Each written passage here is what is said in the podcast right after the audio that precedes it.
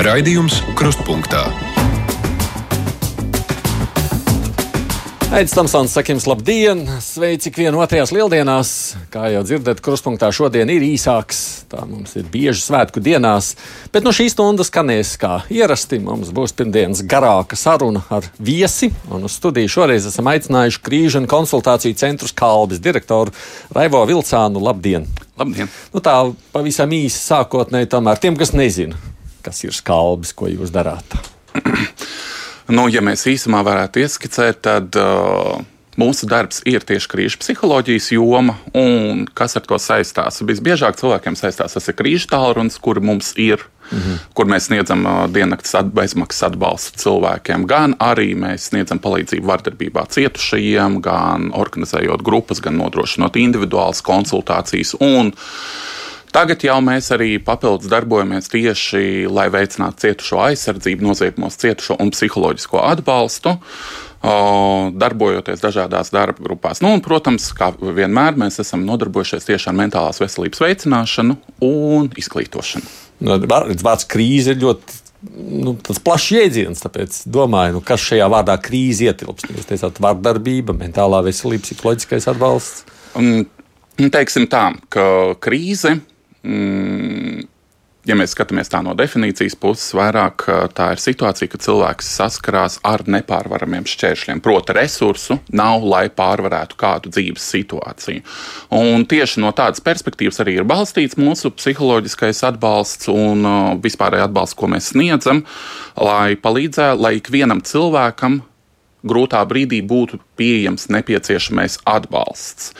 Tieši tādēļ mēs neturamies pie kaut kādas, ka krīze ir tikai vardarbība, pašnāvības domas un vēl kaut kāda temata. Krīze tas ir vairāk stāvoklis, kurā cilvēkam trūks resursu.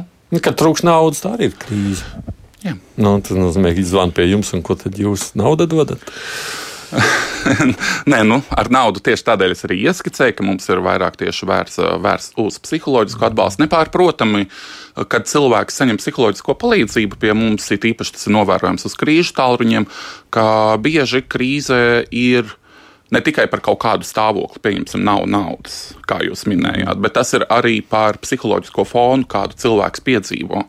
Un tieši psiholoģiskā miedarbība, intervence var būt par pamatu tam, ka cilvēkam tas palīdz sakārtot domas, sakārtot emocijas un kļūt par pamatu, lai atrastu kādus risinājumus. Protams, nepārprotami mēs arī sniedzam kādu informatīvo atbalstu, kur var vērsties pieņemsim uz sociālajiem dienestiem vai uz nodarbinātības aģentūru vai citiem resursiem. Tieši tādēļ mūsu telefons ir īpašs un kopumā pakalpojumi ir balstīti ne tikai uz to, ka mēs sniedzam psiholoģisku atbalstu, bet mēs arī sniedzam kādu informāciju par valstī pieejamiem veselības vai sociālā atbalsta pakalpojumiem. Jā, nu, mēs atceramies 2008. un 10. gada krīzi, nu, kad gāja tajā galā, tur jau ļoti daudz. Nu, gan sūdzējās par naudu, gan arī bija stāsts, ka cilvēki nu, izmisumā gatavi taisīt pašnāvību, jo viņi nezina, kā, nu, kā apgādāt ģimeni vai savilkt galus kopā tādā ziņā. Vai jūs šajā nu, kas ir tagad, mēs redzējām, inflācijas raisītajā krīzē, arī tādas veidas zvanus kādreiz saņemat, sakot, ka cilvēks izmisumā nezina, ko darīt? O, jā, o, finansiāls problēmas mūsu zvanos, mūsu kopējā praksē parādās diezgan bieži, un, ja mēs runājam tieši laiks līdz ar inflācijas pieaugumu un citām ekonomiskām problēmām, tas parādās arī biežāk nekā iepriekš mm. bija. Tomēr ir jāatzīmē arī tas, ka varbūt tik viennozīmīgi nevar teikt, jo Respektīvi, inflācijas krīze, ko jūs iezīmējat, jūs vairāk iezīmējat par sākot ar Ukraiņas karu, vai ne? No, ko mēs izjūtam visvairāk šajā brīdī. Jā. jā, bet mums bija arī iepriekšējais smags periods, tas bija Covid periods, kur mums no, arī bija trīskāršot pie, pieauguši zvanu un pieprasījumi kopš laika pirms Covid. Nu jā. es domāju, par šīm pāris lietām mēs arī noteikti parunāsimies, bet tad, kad, nu, kad vispār parādījās doma par jūsu aicināšanu studiju, tad tur tika pieminēts, ka vairāk mēnešu garumā norisinās informatīva kampaņa par noziegumu upuru tiesībām, turēšu acis vaļā. -hmm. nu, tad arī varētu runāt ar jums mazliet par šo kampaņu, kas tā ir. Uh, jā, kopumā šī kampaņa ir informatīva, tieši vērsta uz sabiedrības informēšanu, jo jāsaprot, ir tas, ka vardarbība, o, ksenofobija un citas lietas, kas ir iezīmētas tieši kampaņā, nav tikai teiksim, tā, sociālās jomas strādājošo organizāciju un tiesību sargājošo organizāciju teiksim, tā, uzdevums par to. Teiksim, iestāties pret to. Tas ir arī sabiedrības uzdevums. Un, ja mēs skatāmies uh, uz uh, teiksim, tādām sabiedrības norisēm, bieži vien personas, kas ir cietušas, uh, pirmajā kārtā to var novērot apkārt esošie. Jo, lai nokļūtu pie profesionāļa, cilvēkam ir kaut kā jau jānokļūst tajā sistēmā. Un tieši tādēļ, lai nokļūtu šajā sistēmā, lai saņemtu to atbalstu, lai zinātu, kur vērsties, šī kampaņa ir veidota. Par turēšanu acis vaļā, ka es pievērsīšu uzmanību tam, kas notiek ar citiem. Un, ja, vajadzē, un kā, ja es novērošu, ka kaut kas nav labi, es iestāšos pret to. Mm, kā jums šķiet, kā mums ir ar šo Latvijā? nu, teiksim tā. Nu, Ja mēs skatāmies tādā laika griezumā, gadiem ejot, teiksim, tā situācija uzlabojās. Pieņemsim, ja mēs skatāmies kaut vai labklājības ministrijas pētījumu, kas bija jau senāk par to, ka arvien mazāk cilvēku uzskata, ka ģimenes vardarbība ir ģimenes lieta. Un tāda lieta, kas jārisina pašai ģimenei. Attiecīgi, šajā griezumā mēs varam skatīties uz pozitīvu tendenci, ka cilvēki arvien mazāk tolerē uh, noziedzību, pret sievietēm, pret LGBT personām, kas arī ir iekļauts kampaņā. Bet joprojām tā tolerance ir visai augsta. Tas ir virziens, uz kuru mums virzīties, ka mēs ik viens esam gatavi iestāties par to, kurš ir nokļuvis šajā, kā mēs nedaudz iepriekš runājām, krīzes situācijā, jeb šī ir nozieguma upuris. Ko jūs domājat ar vārdu iestāties? Zvanīt policijai? Tas, eh, tas var ietvert arī to mm, zvanīšanu policijai, ziņot tiesību sargājušām instancēm, jo, kā mēs zinām, par cietušajiem var arī ziņot. Arī, ja pats persona nav iesaistīta nekādā veidā un ir tikai teiksim, tā novērojis, ir liecinieka statusā. Tas var būt arī uzrunāt cietušo. Proti, nenoklusēt, neizlikties neredzam, ka cilvēks piedzīvo um, šausmīgu situāciju, šausmīgus notikumus savā dzīvē un piedāvāt savu palīdzību. Protams, ja savu palīdzību kaut kāda nav iespējama, tad tas uh, mudināt cilvēku vērsties pie nevalstiskajām organizācijām vai tiesību sargājošām iestādēm. Mm. Proti, tas, kas ir teiksim, tā parasta cilvēka rokās. Nu jā, bet tā, es pieļauju tādu biežāku ikdienas šā situāciju. Nu, lūk, tur divi kaimiņi strīdās, un var dzirdēt, tur bļaustās. Jā, un tur pat varbūt viens kaimiņš saka, izsauciet policiju. Mm -hmm. At, tu nevar saprast, no ko. Ko ar to visu darīt? Tiešām saukt policiju, un galu galā nevar saprast, vai vispār jā, vai tur ir vardarbība, vai vienkārši sastrīdējušies. Vai, mm. no tāda, un ko tad tu negribi sev kaimiņu dzīvē arī baigi jaukties iekšā? Nu, lūk, šeit jau sāk ieskicēties tas aspekts eh, par to, teiksim, tā, kā domā daļa cilvēku, kā tāda vardarbība vai aizdoms par vardarbību ir tāda lieta, kur pašam labāk neiejaukties.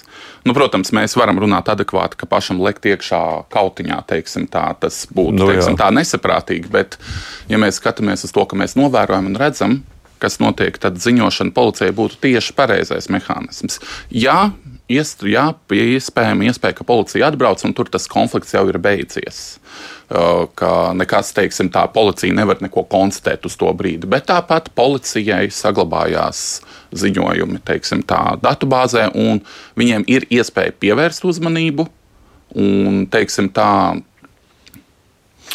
jau tālākā termiņā teiks, saprast notikumus, un kādreiz tas var būt noderīgi. Un tieši tādēļ mēs arī vienmēr iestājāmies par to, ka labāk ir noziņot. Labāk, ka tur nekā nav, Policija nepārmet, ka viņi atbrauc pa velti un redz, ka es izsaucu. Um, nu, mūsu teiksim, pieredzē, nu, te īsti nav gadījumu par to, ka policija akurāt pārmestu par to, ka ir lieki izsaukta. Um, protams, nav izslēdzams, ka kādos gadījumos tas var iespējams notikt, bet nu, tas ir vairāk no policijas paša tā, goda prāta. Tā, jo kopumā uh, ziņošana nav nekas nosodāms, un ziņošana tieši tādos gadījumos ir vajadzīga, un uz to ir arī jāiet.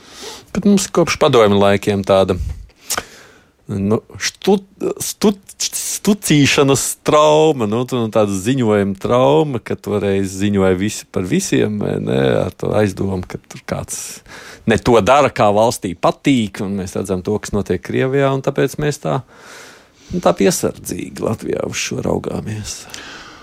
O, jā, nepārprotami mēs arī sastopamies. Īsnībā arī kad cilvēki pie mums vēršās. Ļoti bieži ir arī tā, ka cilvēki nelabprāt vēršās tieši tiesību sargājušās instancēs, bet labāk vēršās kādā nevalstiskajā organizācijā, kuru viņi saskata sev par atbilstošu viņu situācijai. Tā tas var būt, un mēs jūtam to, teiksim, padomju auras, es nezinu pat kā to mm -hmm. nosaukt, to smagumu, o, par to, ka ziņot ir slikta darbība, bet o, laikiem mainījušies. Tā ir viena būtiska nianse. Mēs jau ļoti ilgu laiku nedzīvojam Padomju Savienībā. Un nākamā lieta ir tas, ka, ja mēs ieskicējam padomu laikus, tad tā sociālā atbalsta sistēma bija praktiski nēsoša. Nu, tādā ziņā, ka vairāk bija raksturīga tā upura vainošanas pozīcija, ka upuris ir vainīgs, ka viņš nokļūst tādā vai citādā situācijā. Un tas ir jau mainījies, un tieši tādēļ mums ir arī jāmaina līdz ar to savu domāšanu. Valsts un nevalstiskās organizācijas strādā cilvēku labā, lai nodrošinātu viņiem palīdzību atbilstošajā brīdī, kad tā ir nepieciešama. Un tieši sabiedrības uzdevums ir pateikt, ka nē, vardarbība nav norma, un par to arī ziņot. Bet eh, jūs atbalstāt to, ka tāda nevalstiskā organizācija kļūst par buferi, pieņemsim, starp novērotāju un to aizdomās esošo kaimiņu ģimeni. Nu, kad, jā, nu, policija tu nespēja piezvanīt, bet pieņemsim uz jūsu krīžu centru, jā, un tad nu, jūs tālāk dariet. Nu, teiksim tā, mēs, ja mēs skatāmies Latvijas juridisko tādu ietvaru, nevalstiskā organizācija nevar izpildīt tiesību sargājošo iestāžu funkcijas. Attiecīgi, mēs, nu, teiksim, nevalstiskā organizācija nevarēs policijas vietā atnākt, pārbaudīt. Nu, tādā ziņā tas nav iespējams. Bet nevalstiskās organizācijas ir labs resurss, kā dažkārt pat tādam dialogam starp valsts iestādēm un cietušo, jo cietušais piedzīvo daudz un dažādas emocijas un pārdzīvojumus notikumu iespējā. Un, teiksim tā,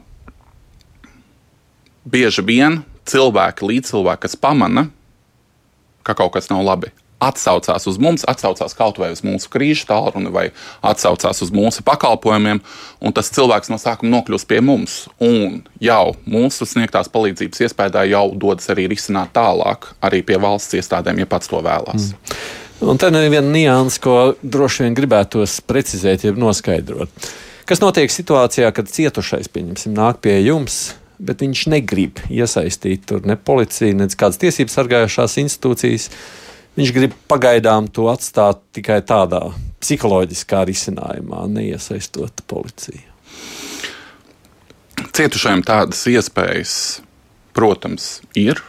Cietušajiem ir iespējas saņemt atbalstu pie mums, o, saņemt atbalsta grupu pakalpojumu, kas neietver automātiski kaut ko to, kad no obligāti persona vēršās. O, uz policiju vai zvanīt uz mūsu atbalsta tālruņiem. Un kopumā mēs spējam sniegt uh, pakalpojumus. Pieņemsim, vēl viens ļoti labs pakalpojums ir tieši tādēļ, lai cilvēkus teiksim, tā, nepiespiestu, nedzītu teiksim, tā, uzreiz uz policiju, kas, protams, būtu vēlams, bet, ja cilvēks to nevēlas, ir tas, ka mēs sniedzam pieņemsim, sociālo rehabilitāciju, kur sociālais darbinieks atzīst, ka persona ir cietusi no vardarbības. Un tas kļūst par pamatu šā, šim atbalstam vardarbībā cietušiem, nu, atbalsta sniegšanai vardarbības gadījumos. Proti, cilvēks nav nokļuvis policijā, nav nokļuvis sociālajā dienestā, viņš, nokļūs, viņš vai viņa nokļūst sociālā nevalstiskā organizācijā un saņem atbalstu. Es to jautāju tāpēc, ka ļoti iespējams ir kādi ļaudis, kas baidās vispār par to stāstīt kādam, tāpēc ka bail, ka tam, kam viņi izstāstīs, tas aizies tālāk jau tur uz policiju vai kur citādi, un tad būs vēl sarežģītāk, ka viņš nav šobrīd pilnīgi noteikti gatavs doties uz priekšu, tāpēc viņš vispār klusē. Lūk, cik jūs varat nu, tā droši sacīt, ka ja jums izstāstīs, nu, ka jūs respektēsiet šī upura vēlmi pagaidām klusēt? Um. Ja mēs runājam par krīžu tālruni, krīžu tālrunis ir anonīms pakalpojums. Krīžu tālrunis nefiksē nekādus datus. Mēs arī telefonu datubāzi neuzturam. Nu, tā kā mums nav iespējas identificēt cilvēku vai jebkādā veidā to sazīmēt. Tāpēc krīžu tālrunis ir teiksim, ļoti pirmā iespēja, teiksim, ļoti pieejama iespēja un droša iespēja stāstīt pat, ja persona nevēlas nekur vērsties. Ja mēs runājam jau par psihologu konsultācijām, tad, protams, psihologa likumā ir atsevišķas uh, nianses, kurās psihologam ir pienākums ziņot. Un tas, pieņemsim, ietver uh, seksuālu vardarbību, vardarbību pret bērniem, kad psihologam ir pienākums ziņot, bet, nu, protams, tas tiek izrunāts arī ar otru, ar klientu. Bet, jā, ir atsevišķas situācijas, kad psihologam ir pienākums ziņot. Kā, nu, kas nozīmē, ka, ja kāds šādu iemeslu dēļ baidās, tad sākt vismaz ar telefonu. Jā, telefons, telefona, no telefona ziņojuma teiksim, tā nekāda nenāk, un arī nav nekādu vēstures tam visam. Mm -hmm. Ja tā kopumā skatāmies, par kādu veidu vardarbību mēs vairāk Latvijā runājam. O, teiksim tā, šeit bija jāpaskaidro vardarbības specifika, mm -hmm. tāpēc ka Ir emocionālā vardarbība, un emocionālā vardarbība praktiski visos gadījumos kombinējas ar fizisku vardarbību, ar seksuālu vardarbību, ar ekonomisku vardarbību. Proti, ja mums ir jārunā par tādu izplatītāko vardarbības veidu, tad tā ir emocionālā vardarbība. Ja mēs paskatīsimies centrālā statistikas biroja datus, tad no tā ir cietusi pēdējie dati par 21. gadu. Katra trešā sieviete un katra, katrs piektais vīrietis. Tātad skaitļi ir ļoti lieli. Tālāk jau mums ir jāskatās, vai tas kombinēs.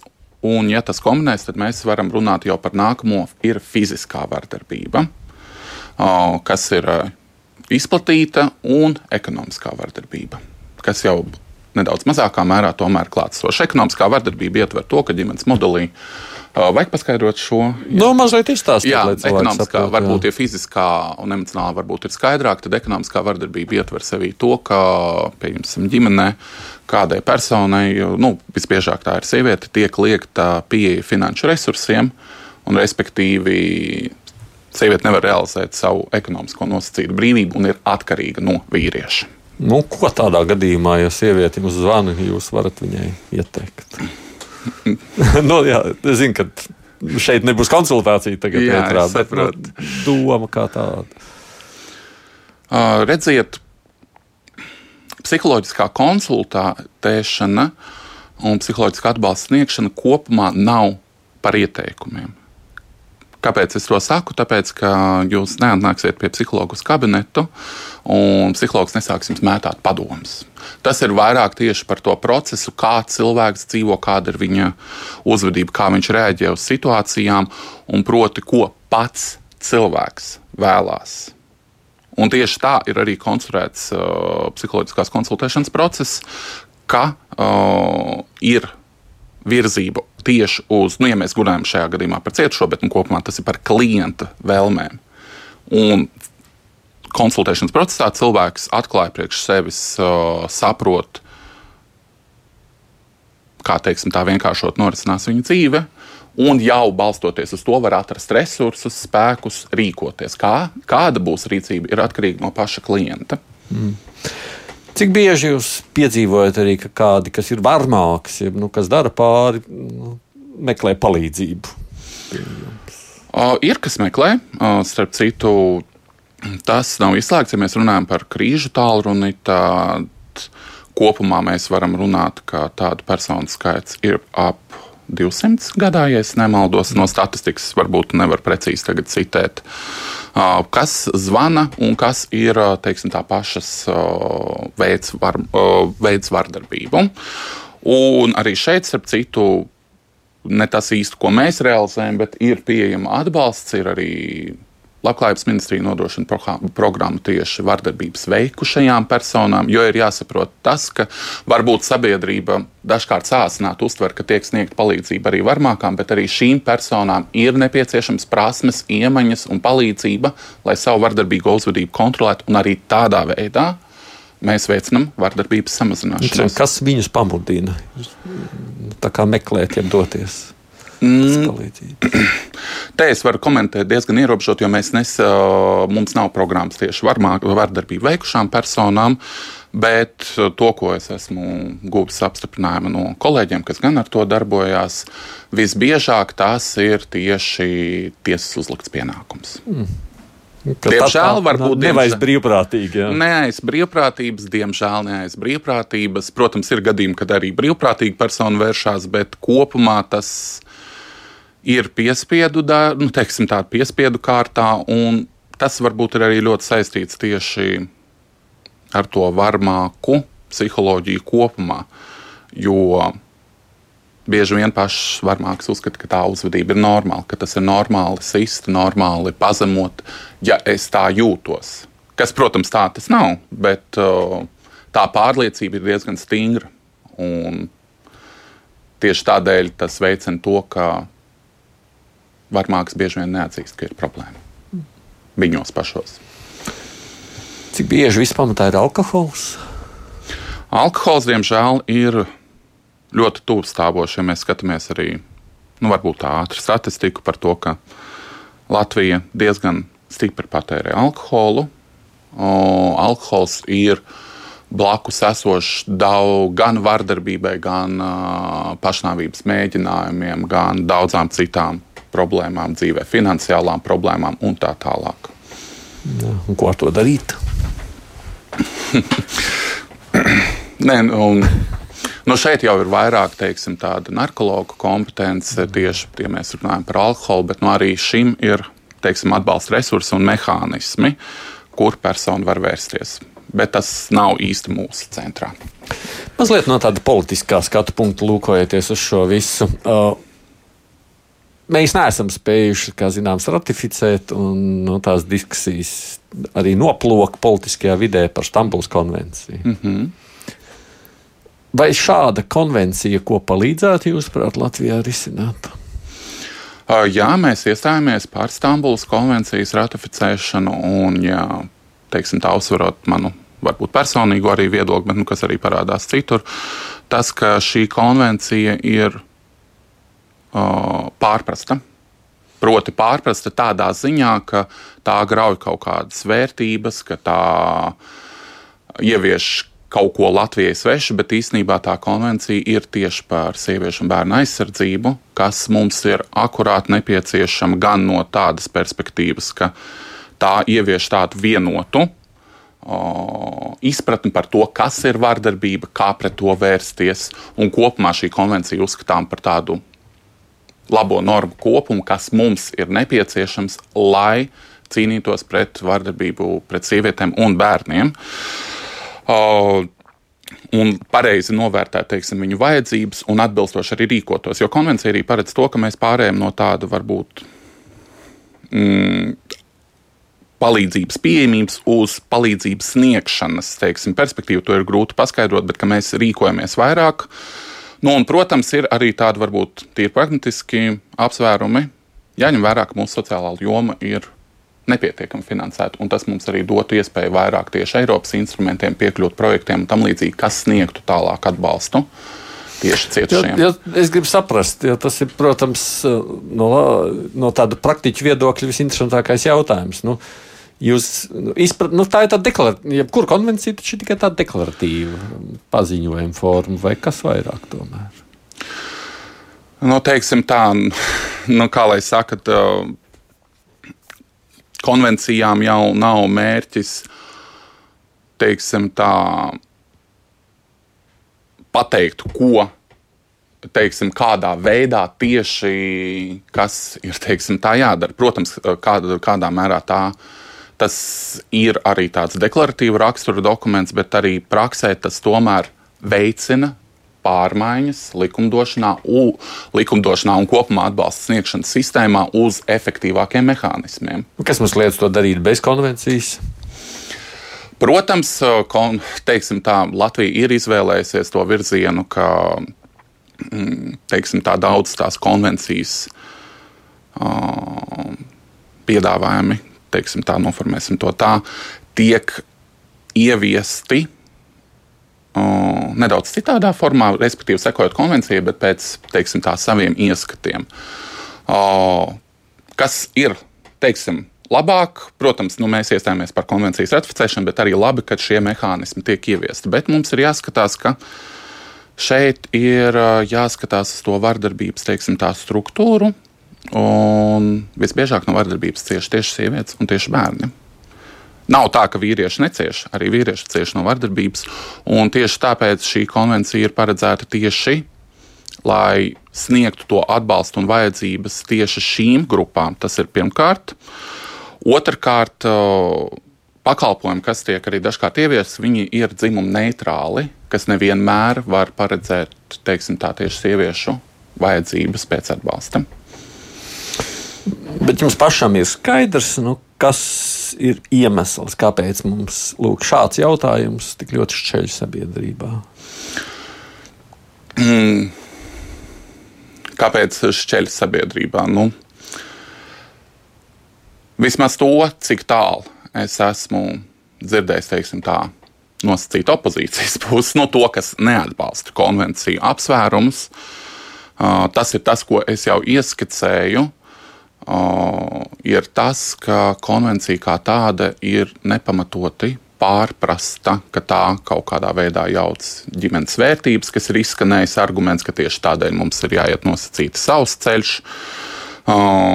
Sabiedrība arī neizprot kaut kādus jēdzienus, kas ir konvencijā ietverti, bet tomēr tiem nav nekāda, teiksim, sakara ar sabiedrības no kaut kādas situācijas pasliktināšanu bet tieši uzlabošanu.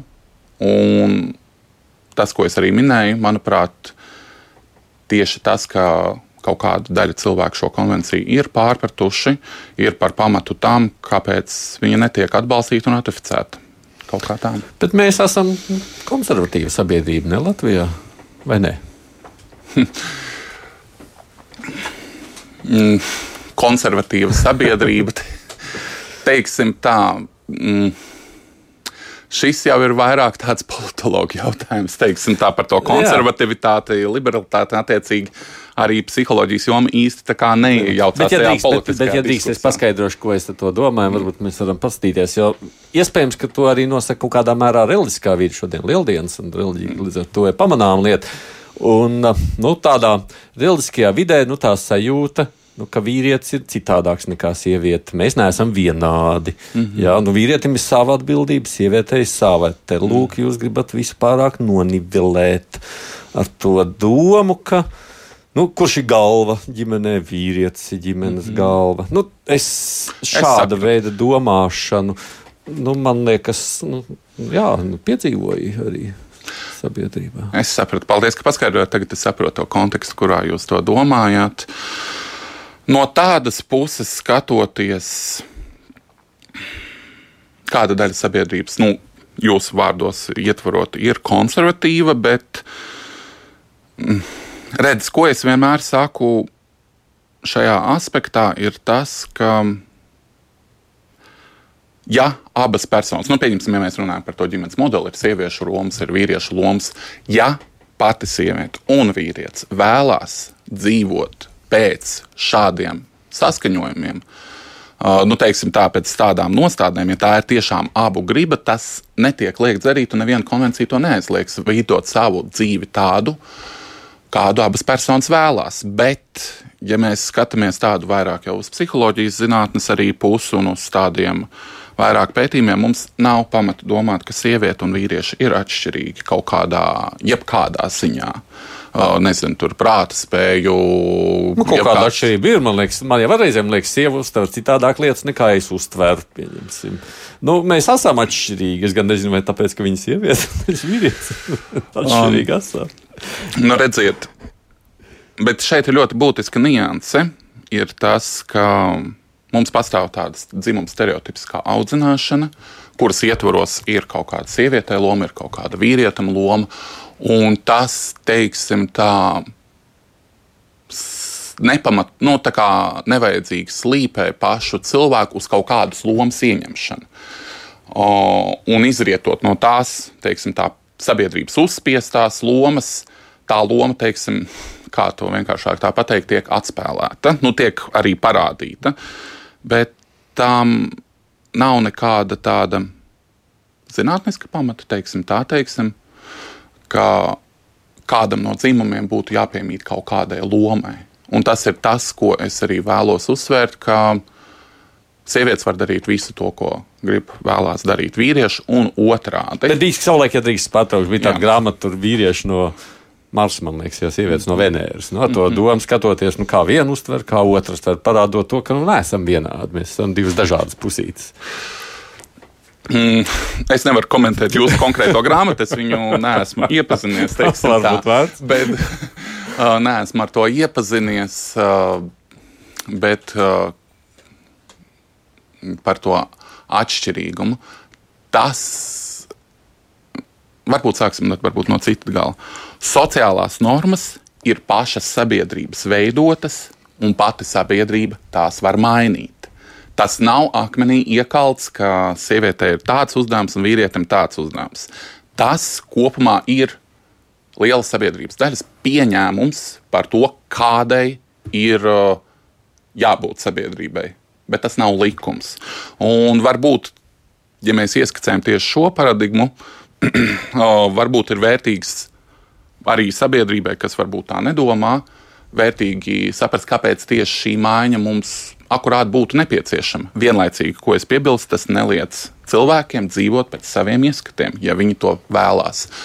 Jo minētā veidā mēs saskaramies ar daudz un dažādām problēmām. Pieņemsim, kāpēc mēs bieži runājam par vardarbību pret sievieti. Tas ir tieši šo dzimumu audzināšanas lomu dēļ, ka vīrietis ir galva, viņam ir tiesības noteikt, un tas uh, savā veidā, uh, izrietot no tā, veicina uh, sieviešu objektivizācija, proti, ka viņas tiek vairāk uzskatītas kā manta, nevis kā persona, un izrietot no tā arī ir vardarbība vairāk izplatīta tieši pret sievietēm. Ja mēs skatāmies arī uz darba tirgu par atšķirībām atalgojuma līmeņos, kā nosacīti sieviete tiek skatīta kā mazāk vērtīga, nu, tā ļoti tieši sakot, ka viņas darbas, darba augļi ir mazāk vērtīgi nosacīti. Tā tas tiek skatīts. Un daudzas šīs lietas, šīs nelabvēlīgās parādības veicina tieši tādēļ, ka ir tāda dzimuma stereotipiskā uztvere par šīm lietām. Un tieši tādēļ mēs nevaram sasniegt to vienlīdzību. Un mēs varam atrisināt kādas problēmas sabiedrībā, kas mums ir klātesošas. Nē, nu, droši vien es subjektīvi varu sakot, no vienas puses man liekas jocīgi jau sanāk, ka nu, tie, kas mēs tā sabiedrības daļa, kas iestājas lūk, tur, par tām tradicionālajām vērtībām, viņi ļoti raizējās par, nu, lūk, par konvenciju, par to, lai nedotu tiesības homoseksuāliem vispār, jo, bet krietni mazāk neskapēc iestājās pret vardarbību, pret uh, nu, tām problēmām, par kurām jūs runājat nu, kas nozīmē, ka mēs esam vienkārši polarizējušies. Nu, kaut kāda, nu, jā, varbūt šeit piebilstot vairāk ne no tādas psiholoģiskās, bet no tādas aktīvismu pozīcijas. Nu, mums, diemžēl, ir jāatzīst, nesauksim varbūt vārdā tās politiskās personas, kurām ir akurāt dažkārt izdevīgi tieši veidot savas kampaņas balstītas naidā balstītas pret konvenciju, balstītas pret homoseksuāliem. Tā ir viņa pārliecība. Tā ir pārliecība, bet tas vienlaicīgi ir arī nēdz. Jā, es, protams, saprotu, ka neviena no šīm personām nav saukta pie atbildības. Jo... Nu, viņi jau paši nesaka, ka viņi nīst. Viņiem arī, man liekas, nav jau dzirdēts, ka viņi tur būtu klapējuši savus sievas vai vēl nesko darījuši. Taču nē. Nu, jā, bet, nu, ja, ja tādā personīgā skatījumā, teiksim, tā ieskicējot, vēršanās pret uh, homoseksuāl, homoseksuālām personām, vēršanās pret sieviešu tiesībām, tomēr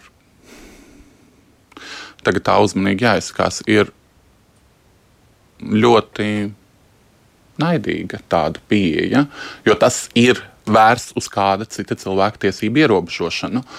Un, ja mēs ierobežojam kādu cilvēku tiesības, mēs viņu nostatām nevienlīdzīgā un zemākā situācijā.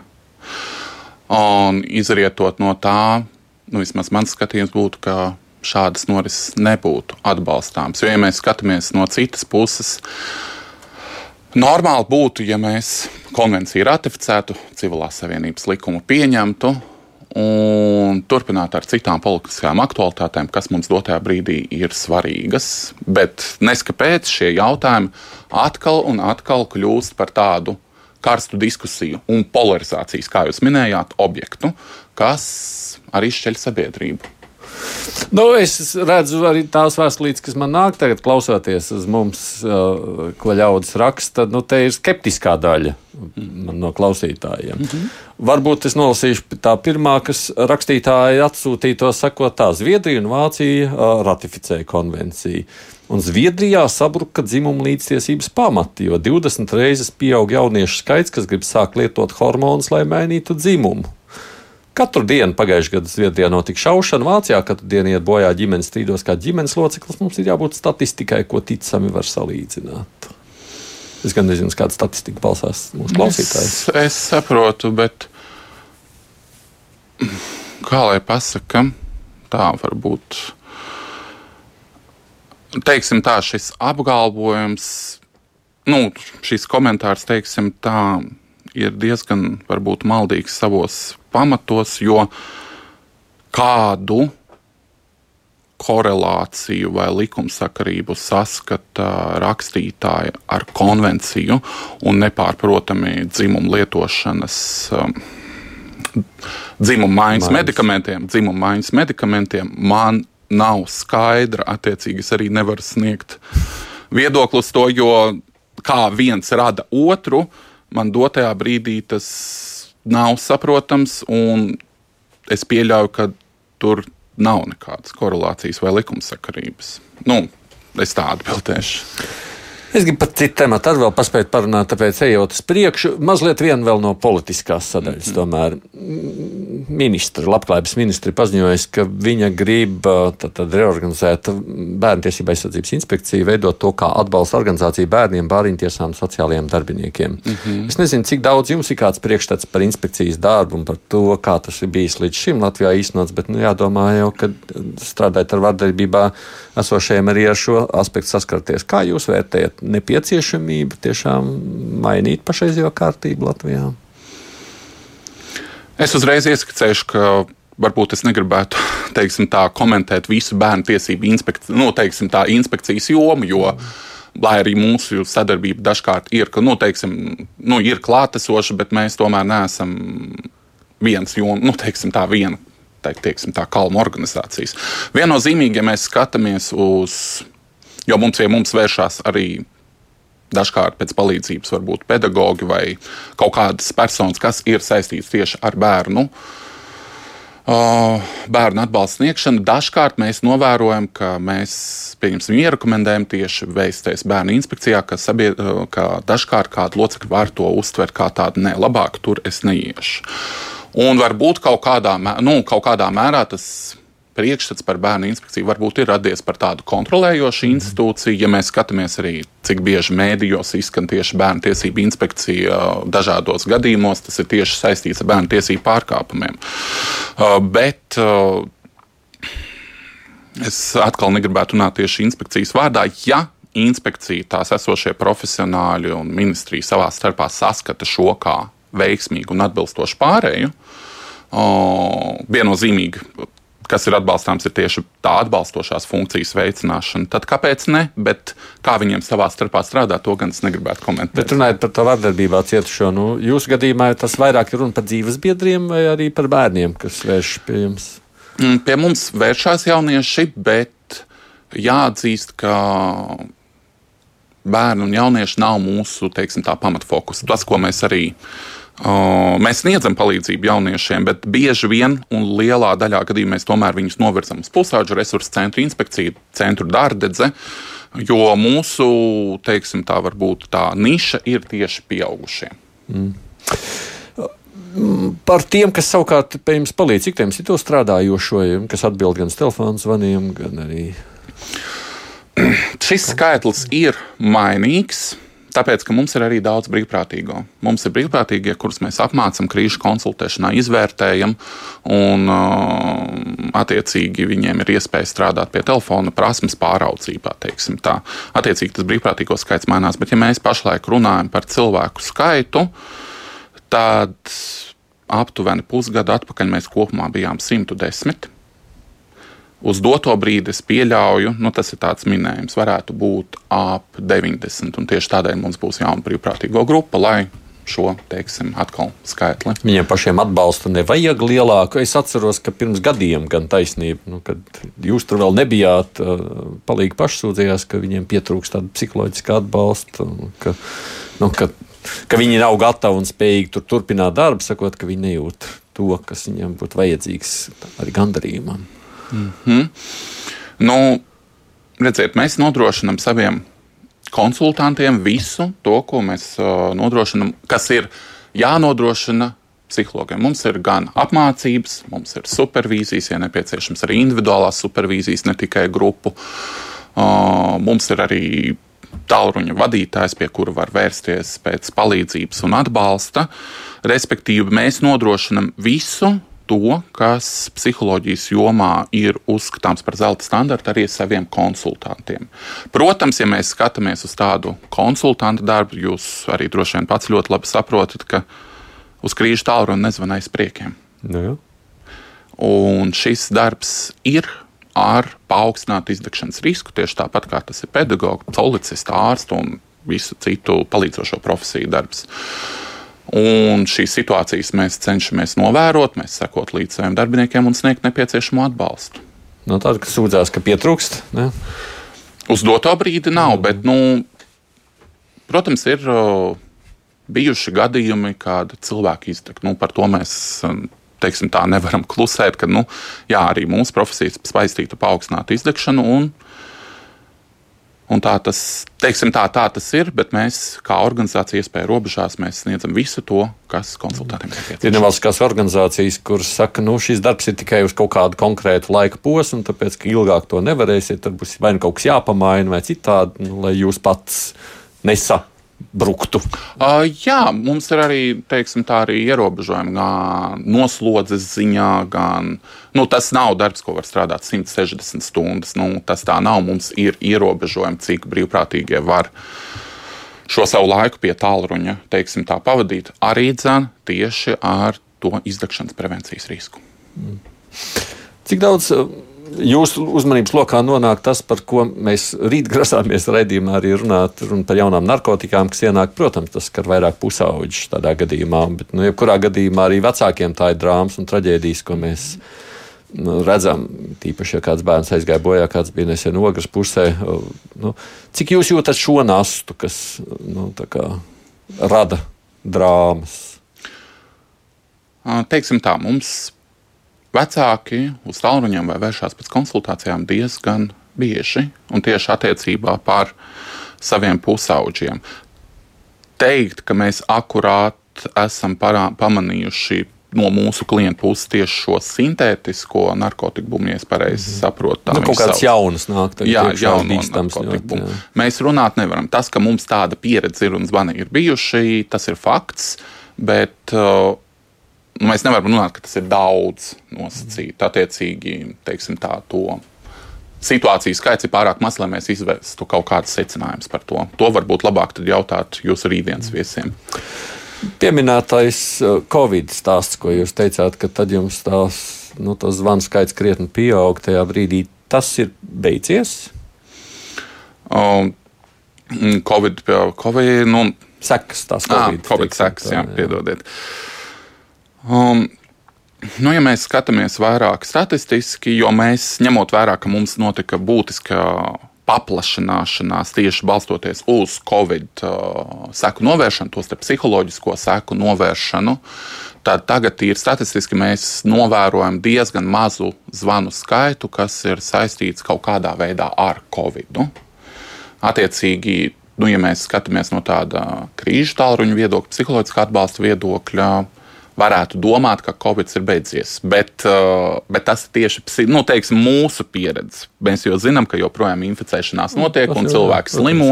Tas, protams. Vienīgais, nu, tādas kaut kādas sūdzības vai kaut kāda, pieņemsim, tieši kā bija Covid laikos, kad bija kaut kādu ierobežojumu dēļ. Uh, liektas iespējas kaut ko izdarīt, vai, pieņemsim, cilvēkiem vajadzēja mērot uh, tālu ceļu līdz slimnīcai, kamēr viņi paši ir slimi, Jo, ja pieņemsim, viņam nav autovadītāja tiesību un tā tālāk, lai nu, dotos testu, tādas mēs situācijas neredzam. Nu, Tajā pašā laikā, protams, tajā laikā jau arī tika daudz runāts par to, ka tā sēdešana kopā mājās, iekšlaiktiem telpā, tā raicina, raisīja gan tos konfliktus, gan arī tos vardarbības gadījumus, acīm redzot, vai ne, ka tu vienkārši viens pie otra rīvējās un ārā nedrīkst nekur aiziet. Nu, šim jā. vajadzētu būt beigušies kā tādam. Protams, uh, jā, protams, jā, tieši tāds situācija. Bet mēs kaut kādus secinājumus no tā varam izdarīt. Nesēdiet pārāk daudz ilgstoši viens otru kopā mājās. mm, varbūt sāksim varbūt ar tādiem pozitīviem secinājumiem. Nu, cilvēki Covid laikā vairāk vērsās pēc palīdzības, kas ir um, pozitīva. Ne tikai vairāk skaitliski cilvēkiem bija varbūt tās problēmas situācijas, bet arī vairāk sāk aizdomāties par savu veselību un par to, kā to uzturēt un saglabāt. Tā ir viena pozitīva tendence. Otra pozitīva, nu, negatīva, pozitīva lieta no tāda skatu punkta, ka pieauga ziņojumu skaits par vardarbības gadījumiem, kas ir tieši novērotā. Jo šī izolācija mūs mm. salika, teiksim, tā mājās, un kaimiņi bija vērīgāki. Mm. Teiksim tā, tāpēc, ka viņi nebija darbā un varēja vairāk ziņot par gadījumiem. Un tieši tādēļ arī pieauga pieprasījuma skaits krīžu centros, kādēļ es to varbūt nedaudz velku uz to pozitīvo pusi. Protams, nekā pozitīva tas, ka krīžu centra pieaugums nav, bet pozitīva tas, ka vairāk cilvēki vēršas pēc palīdzības un to arī saņem. Un ka līdz cilvēki nepaliek malā. Starp citu, tieši kampaņas kontekstā, protams, tad tā, tās kampaņas vēl nebija, bet uh, par to, ka cilvēki teiksim, tā, turēja acis vaļā un iestājās. Mm. O, jūs pieminētais LGBT nu, tā, tāda sabiedrības daļa. Vai skatoties, tomēr kopumā nu, par šo daudz tiek runāts, mm -hmm. salīdzinoši noteikti nekā tas tika darīts pirms gadu desmitiem. Vai, vai šī nu, tā vardarbība pret viņiem tomēr nemazinās kopējā skatu punktā, lūkojoties? Nu, ja mēs skatāmies tādus atkal statistikas datus, jo jāsaprot tas, ka nu, tādas sabiedrības tendences mēs nevaram novērtēt, no, nomērīt savās domās, bet mēs varam novērtēt teiksim, tā skaitļos vairāk, kas ir objektīvs rādītājs. Uh, sabiedrības atbalsts, ko arī izplatīja mozaīka tieši vai neitrāla attieksme pret LGBT kopienu, pieaug. Tātad mm. pozitīva vai neitrāla attieksme, kas ir uh, pozitīva tendence, bet uh, tāpat laikā mums ir jāskatās uz tādām lietām, kuras mēs īsti nevaram nomērīt, tāpēc ka mums nav kaut kādu datu. Proti, cik bieži saskarās LGBT personas ar naidu noziegumiem. Kā mēs zinām, policijas redzeslokā tādu gadījumu ir ļoti maz, un uh, tiem nevar izvērst kaut kādus secinājumus. Un, attiecīgi, cik tas notiek reālajā dzīvē un kādas tam ir sekas, mums to jau ir grūtāk teikt. Tā bet arī paši LGBT nesūdzas.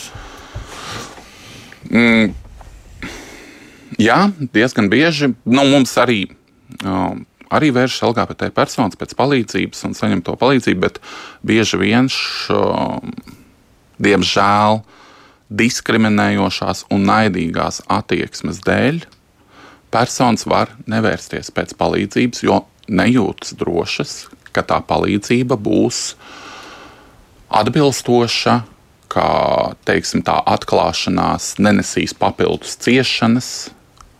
Diemžēl tādi jautājumi arī parādās. Tieši tādēļ atkal ir tas jautājums, ko mēs runājam par sabiedrības attieksmes maiņu un konservatīvo sabiedrību nosacīt, kā jūs to minējāt. Uh, šī attieksmes maiņa ir nepieciešama, lai cilvēki vērstos pēc palīdzības un sniegtu vieglāku iespēju viņiem to saņemt. Nu, es saprotu, ka jums jau tas darbs bieži ir ar ļaudīm, tātad, kas ir ģimenes cilvēki, ja tad mm -hmm. ir sieva, sieva vīrs un tā. Vai šajās ģimenēs, kas ir netradicionālās ģimenes, arī ir novērojama vardarbība? Savstarpējā? Es nevaru. Mums tādu nesūdzas. Mums, mūsu redzeslokā tādu, tādu gadījumu nav. Jā. Mūsu redzeslokā tādu gadījumu nav, bet uh, jāsaprot ir tas, ne, ka. Nesko, par ko tas liecina? Uh, pirmkārt, proporcionāli tas skaits, kas vēršas pie mums, kas ir LGBT personas, ir mazāks viennozīmīgi nu, nekā tās, kas ir. Tā ir viena lieta. Otra lieta ir, ir tas, ka mums varbūt nevajadzētu to skatīt tādā. Ir grupas, kas ir vērstas uz vardarbību, un ir grupas, kas nav vērstas uz vardarbību, nu, teiksim, tā savstarpējo vardarbību. Jo tas rada stereotipus. Uz vardarbību ir spējīgs ik viens, un par upuri vardarbībai mm. ir spējīgs būt ik viens. Tā ir gan heteroseksuāla persona, gan homoseksuāla persona. Bet, ja mēs runājam par tādu vardarbību starp homo, nu, teiksim, LGBT kopienas pārstāvjiem, mūsu redzeslokā tādu gadījumu nav. Un pat ja būtu, mums nebūtu pietiekami dati, lai izvērstu secinājumus, jo nu, lai mēs kaut kādas tendences iezīmētu, mums vajag tomēr pietiekami cilvēku skaitu. Man vēl ir pāris minūtes laika. Ir vēl viena tematika, kas savulaik bija ļoti aktuāla arī mediju vidē. Pēdējā laikā mēs maz par to runājam, nu, vairāk tikai politiskā kontekstā. Tas ir tāds par azartspēlēm. Mm -hmm. Cik šī azartspēļu atkarība ir problēma joprojām, kur jūs pamanāt un kas izraisa arī tālākas sekas? Mm, te varbūt ir jāiezīmē varbūt nedaudz atkarība dinamika. Tādā ziņā, ka azartspēļu atkarība bieži kombinējās. Ko tas nozīmē? Kombinējās ar citiem atkarību veidiem. Attiecīgi, persona pie mums var vērsties ar alkohola atkarību, bet īsnībā tur ir arī azartspēļu atkarība, kas varbūt tādā pirmšķietamajā, pirmreizējās nosacīti saskarsmes brīžos nemaz netiek atklāta. O, tā ir viena lieta. O, Bet, ja mēs skatāmies tieši uz to pieprasījumu skaitu, kas mums ienāk, mēs redzam, ka azartspēles kādai sabiedrības daļai izraisa to atkarību, un ka tā veicina gan ģimenes finansiālā stāvokļa pasliktināšanos, gan vārdarbību, gan arī azartspēles ir ļoti saistītas ar pašnāvības mēģinājumiem un domām. Un, attiecīgi, ja ir kāda sabiedrības nu, daļa, kura iesaistoties tā, azartspēlēs, kļūst atkarīga, un tas ir ļoti teiksim, smaga problēma. Ja mēs skatāmies arī uz pašateikušos personu reģistru, kas ir kā veids, kā liekt cilvēkiem nokļūt azartspēļu zālēs, tad tie skaitļi ir ļoti, ļoti lieli. Un tagad jau ir, kā zināms, digitālās iespējas ar vien vairāk nokļūt azartspēlēs. Protams, un tās mēs arī redzam. Un tieši Covid laikā, starp citu, ja mēs varam ieskicēt arī Covid laikā, kā bija zemes azartspēļu aizliegums, zināmais, tāda, teiksim, tās nelegālās azartspēles caur dažādiem tehniskajiem līdzekļiem bija ļoti, ļoti topā, teiksim, tā vairāk topā nekā tas bija iepriekš. Mm. Bet tas nozīmē, ka mums kā sabiedrībai tam joprojām ir jāpievērš lielāka uzmanība, varbūt nekā mēs pēdējā laikā to darām. Nu, te nu, mēs zinām, politiski noteiktā cīņa, vērt vaļā, nevērt vaļā un tam līdzīgi. Bet... Es domāju, ka mums kā sabiedrībai ir jāpievērš uzmanība jebkurai sabiedrības problēmai. Ne tikai azartspēlēm, ne tikai vardarbībai, ne tikai uh, diskriminācijai un tā tālāk, bet jebkurai problēmai, kas rada grūtības vai ciešanas kādai sabiedrības daļai. Man ir viena minūte, mazāk pat par minūti. Ko jūs gribētu pasaulē mainīt, ja jums būtu viena burvju no viņa? Nu, kas no visa tā, ko jūs sacījāt, gribētu tos visvairāk izdarīt? Um,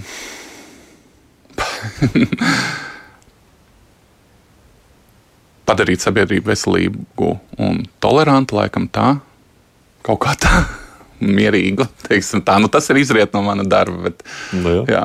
Jā. Krīžu un konsultāciju centra kalps direktors Raivo Vilsāns. Paldies, ka atnācāt šeit uz studiju. Paldies. Paldies arī tiem klausītājiem, kas izteica arī savu skepsi, rakstot mums par to, ko dzird šeit studijā. Producenti Kruspunktā Ivī Junām studijā šodien bija arī es, Aidis Tomsons.